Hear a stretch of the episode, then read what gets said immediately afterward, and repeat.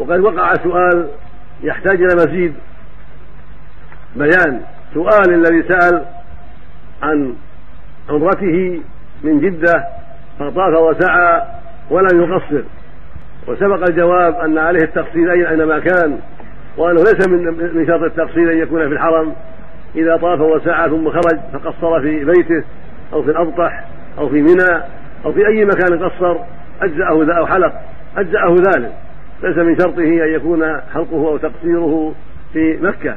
وهكذا من كان عليه صيام من أجل الهدي أو من أجل شيء آخر إذا صام في أي مكان أجزأه الصيام. ولو لم لكن هذا فيه تفصيل. هذا الذي ترك التقصير فيه تفصيل. لم يتسع الوقت سابق لذكره ولكن لا بد من ذكره. فهو حين حين ترك التقصير إن كان لم يخلع لم يخلع ملابس الإحرام بل بقي عليه إحرامه فإنه يقصر على حاله إذا نبه في أي مكان كان. يقصر ثم يلبس ملابس الملابس العادية ويخلع ملابس الإحرام.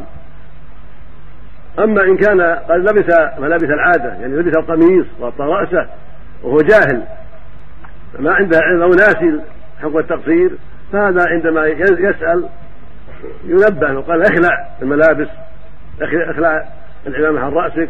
واخلع القميص أو السراويل و اعتزل ثم قصر أو احلق يعتزل يلبس الإزار على عورته ثم يقصر أو يحلق ثم يعيد ملابسه. لا يقصر ملابسه عليه الملابس المعتادة القميص والقطرة ونحو ذلك لا. إذا نبه يخلعها ثم يقصر. فإن كان ما تنبه لهذا قيل قصر ولا تنبه وقصر أجزأه ذلك. إذا قيل قصر ولكن ما نبهه المفتي ما قال له اخلع القميص وكذا فقال له قصر أو احلق وقصر وحلق وهو عليه ثيابه المعتادة من قميص وغطرة ونحو ذلك أجزأه ذلك ولا حرج عليه من أجل الجهل أو النسيان لا حرج عليه في ذلك. ثم أيضا قد يكون آه، تعدى على شيء قد يكون تطيب قد يكون قلم اظفار قد يكون قصر أو حلق بغير نية النسك لناس هذا حكم. حلق رأسه حلقا عاديا أو قص منه قصا عاديا أو تطيب أو قلم اظفاره أو ما أشبه ذلك فهذا لا عليه ليس عليه شيء من أجل الجهل أو من أجل النسيان أنه ناسي ليس عليه شيء ولكن يقصر بنية العمرة أو يحلق بنية العمرة ويكفيه ذلك. وهكذا الذي مثلا في حجه رمى الجمرة وطاف وسعى ونسي حلق ونسي التقصير ما قصر ولا حلق. حتى ذهب إلى أهله. ومثل هذا إذا ذكر وتنبه يحلق أو يقصر يكفي لكن هذا ليس عليه الاحتيال لأن قد تحلل لما رمى وطاف وسعى تحلل وعليه ولا بأس يلبس ثيابه. فلا يحلق أو يقصر وعليه ثيابه المعتادة من قميص ومن عمامه لأنه قد تحلل. لما رمى جمره وطاف وسعى تحلل. إلا من الزوجة. إلا من زوجته. هذا لباسه العمامه والقميص لا بأس عليه. فيحلق ويقصر اينما كان ولا شيء عليه. لكن إذا كان قد وطئ أهله هذه مساله أخرى. لكن عنده زوجة وطئها قبل أن يحلق أو قبل أن يقصر في العمرة أو في الحج. فهذا في حجه صحيح حجه صحيح. إذا وطئ قبل أن يحلق أو يقصر لكن قد رمى وحلق قد رمى وطاف وسعى ولكن لم لم يقصر ولم يحلق فهذا أخطأ في في وطئه لزوجته وعليه دم عن وطئه لزوجته وحجه صحيح.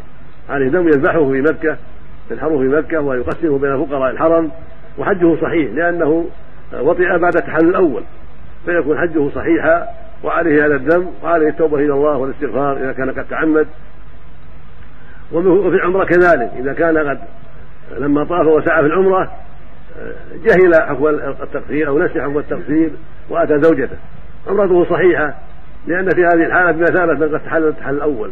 فعمرته صحيحة وعليه عن ذلك ذبح شاة أو إطعام ست مساكين أو صيام ثلاثة أيام. وإن ذبح شاة فهو أحسن وأحوط لكونه وطئ قبل أن يتحلل قبل أن يحلق أو يقصر في عمرة. نسأل الله للجميع التوفيق والهداية ولا حول ولا قوة إلا بالله. نعم. نعم. لكن الذي رمى طاف وسعى ولكن ما حلق وطي زوجته قبل أن يحلق. شاة أو بدنة أو بقرة يذبح في